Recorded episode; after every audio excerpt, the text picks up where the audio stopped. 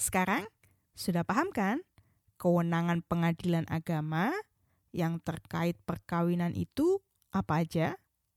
Kalau gitu, kita lanjut dengar penjelasan tentang tata cara mengajukan perceraian dan bagaimana sidang cerai di pengadilan agama.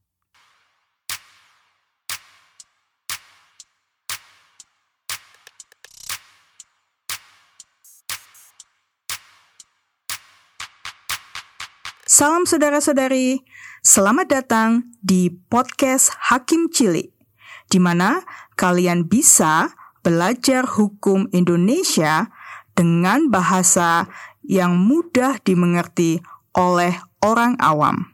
Setiap hari Minggu, waktu Indonesia, bersama Hakim Cilik Niken Astari Carpenter.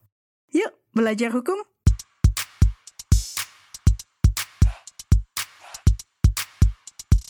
Disclaimer. Podcast Hakim Cilik tidak memberikan sertifikat atau ijazah sarjana hukum.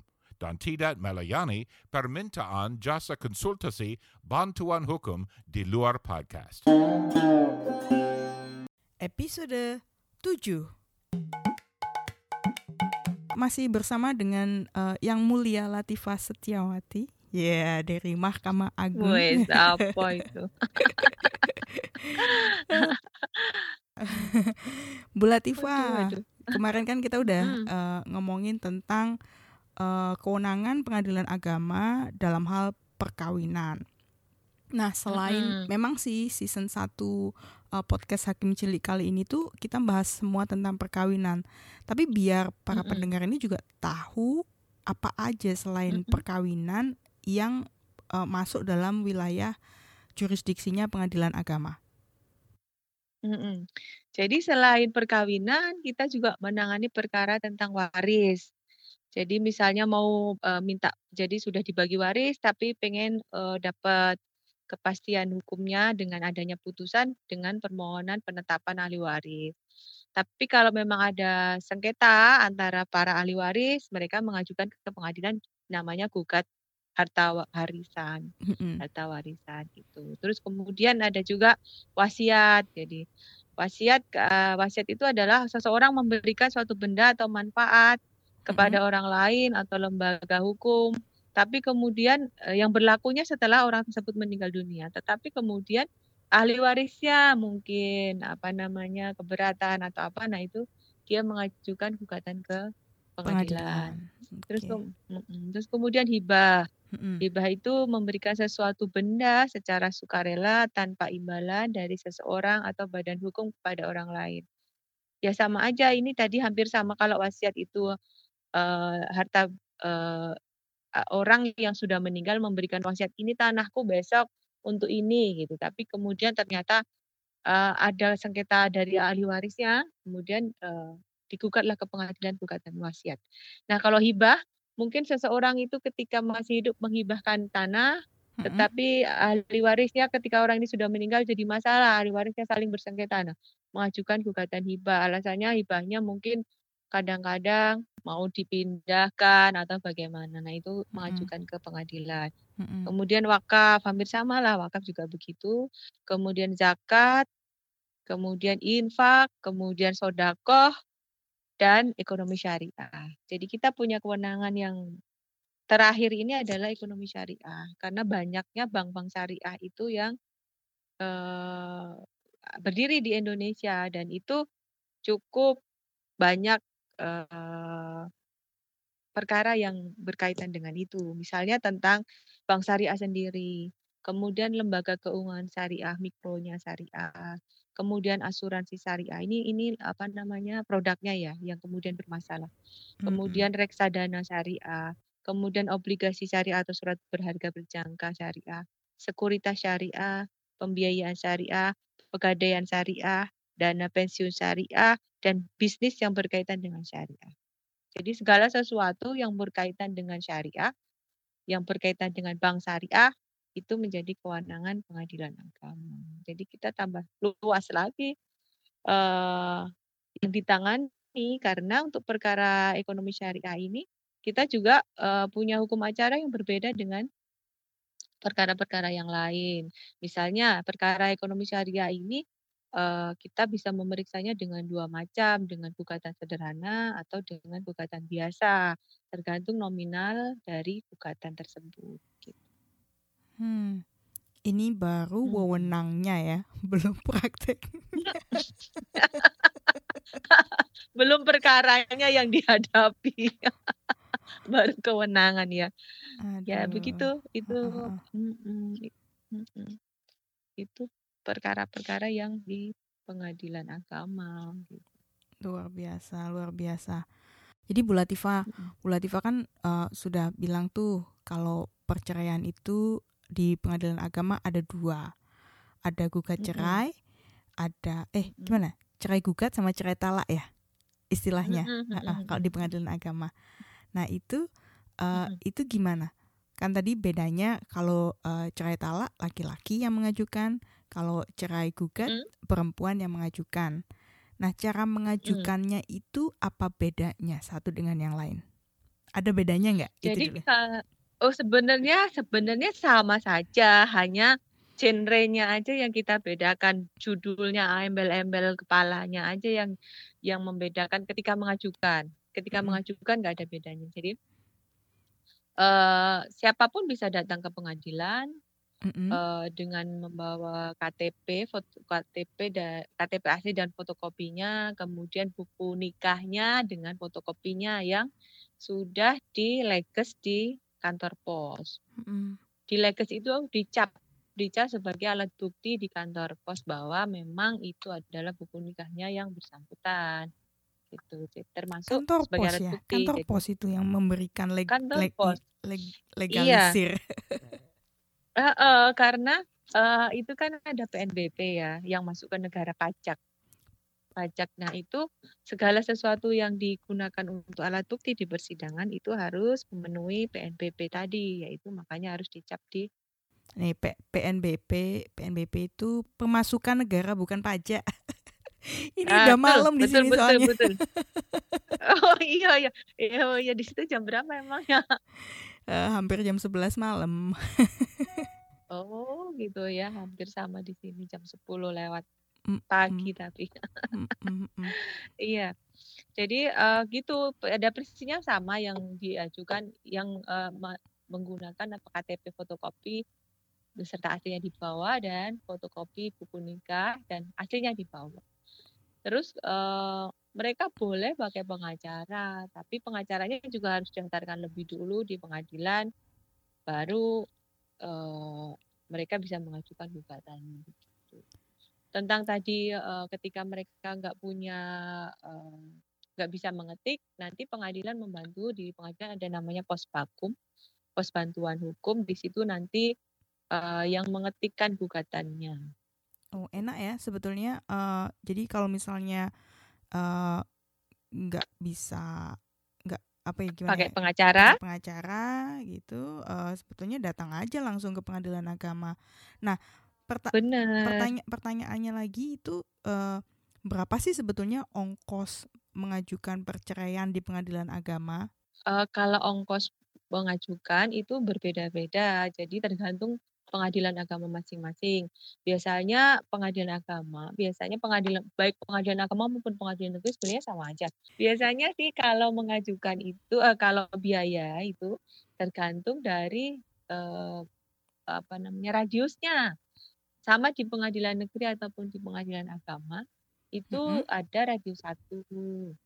Radius satu itu ya yang meliputi wilayah di pengadilan itu, nggak terlalu jauh dari situ. Berapa radiusnya saya kurang paham ya tapi nggak mm. jauh dari situ masih di wilayah kabupaten itu kemudian radius dua agak jauh lagi sedikit kemudian mm. radius tiga yang agak jauh lagi radius empat itu mungkin keluar kota dan seterusnya jadi tergantung radiusnya.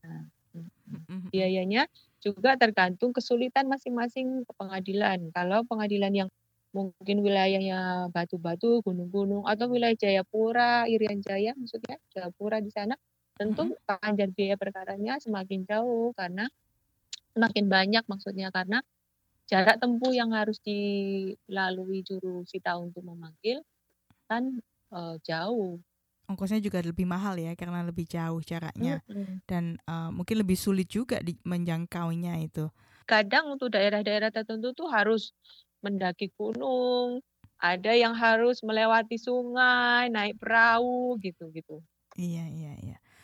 Uh, nah um, lagi nih uh, pertanyaan berikutnya terkait dengan perceraian itu berapa lama sih kira-kira orang itu uh, mulai dari mengajukan perceraian sampai dengan putusan itu berapa lama mereka harus menunggu cie Wah, kalau itu nggak ada standarnya, jadi tergantung permasalahannya. gitu Uh, idealnya sih uh, pihak itu dipanggil pada sidang pertama Mm-mm. untuk hadir di persidangan. ada mediasi juga nggak kalau di pengadilan agama proses Iya. mediasi Ada, iya ada. Bahkan penga- uh, untuk masalah perceraian itu penga- uh, mediasi adalah hal yang wajib dilakukan. Jadi tidak bisa tidak. Mm-mm. Mm-mm.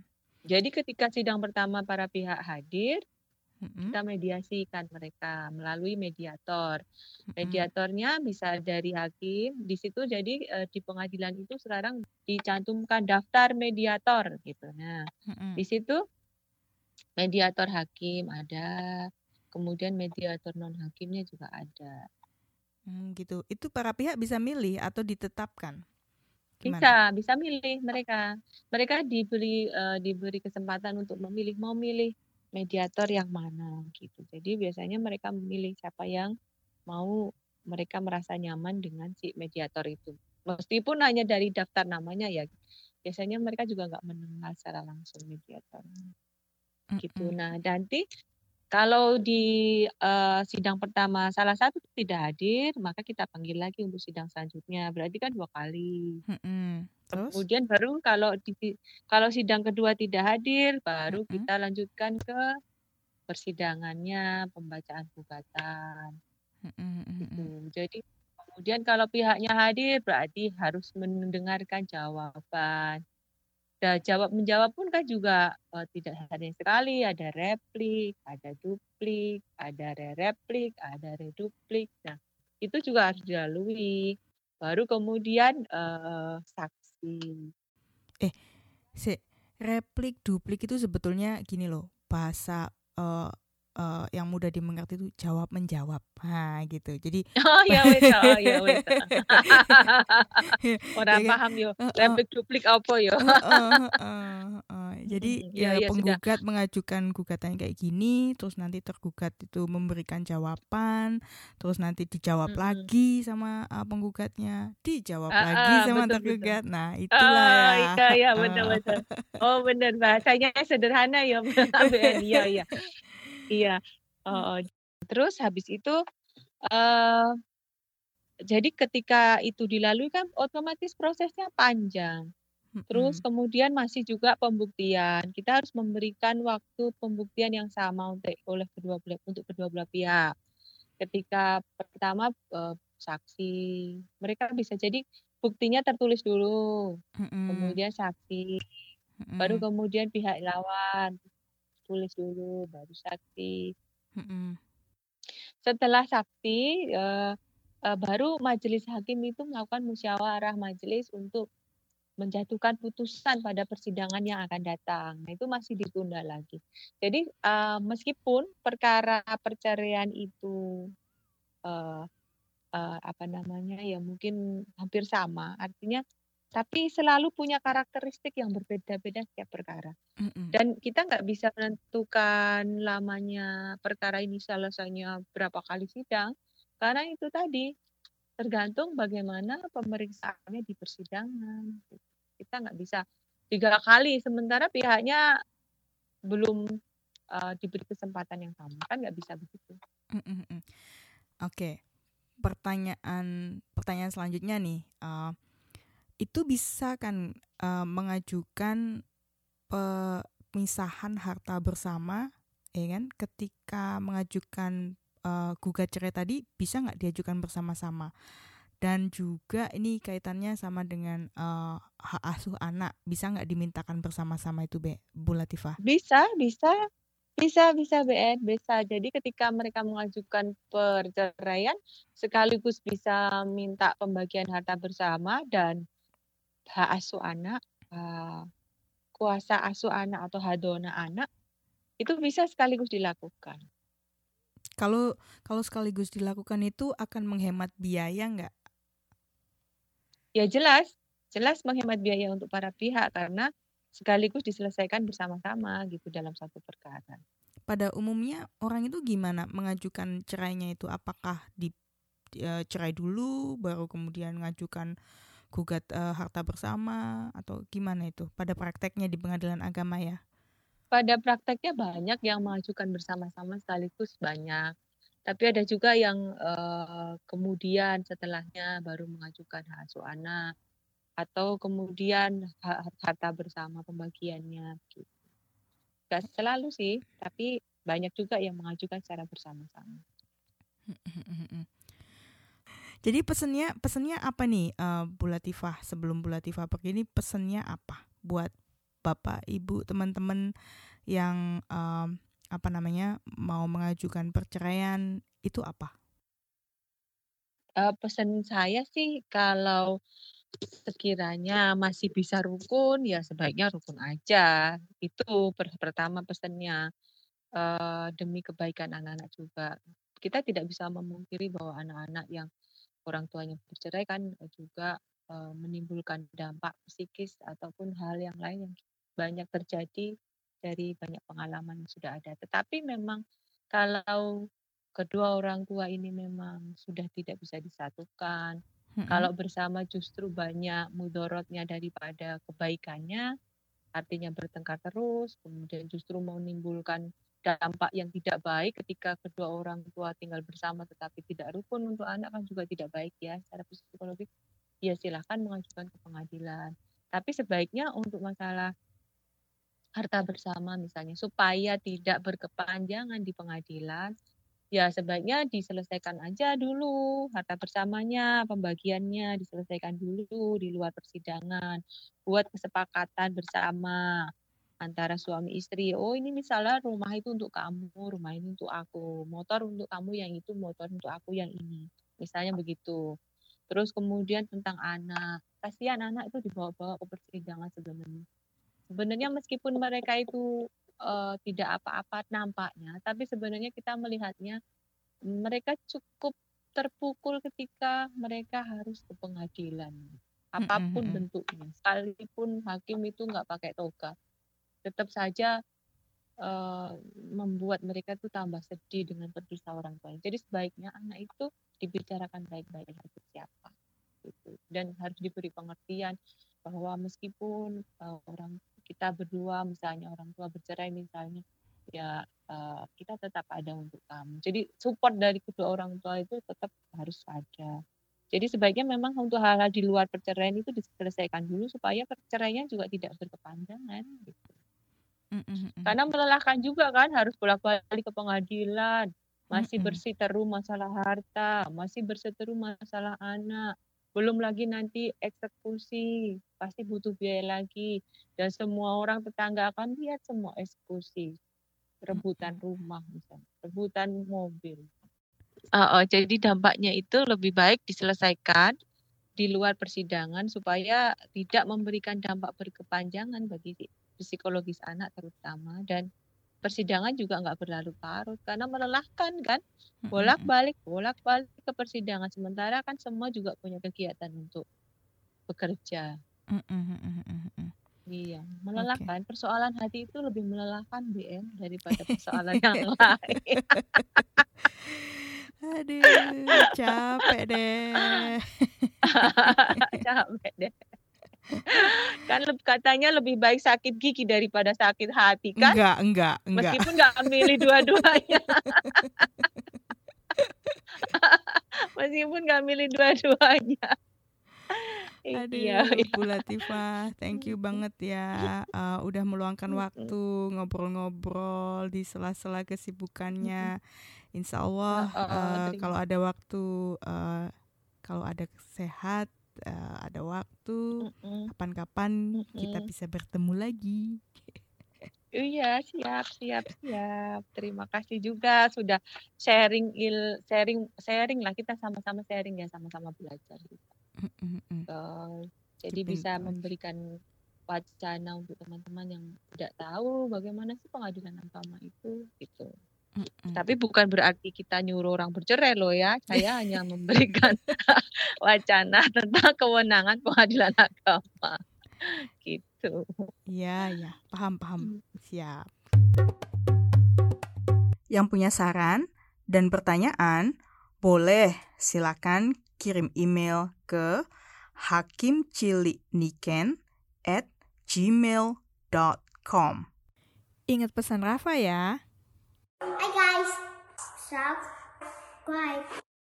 Oke, sampai jumpa di podcast Hakim Cili episode selanjutnya. Salam!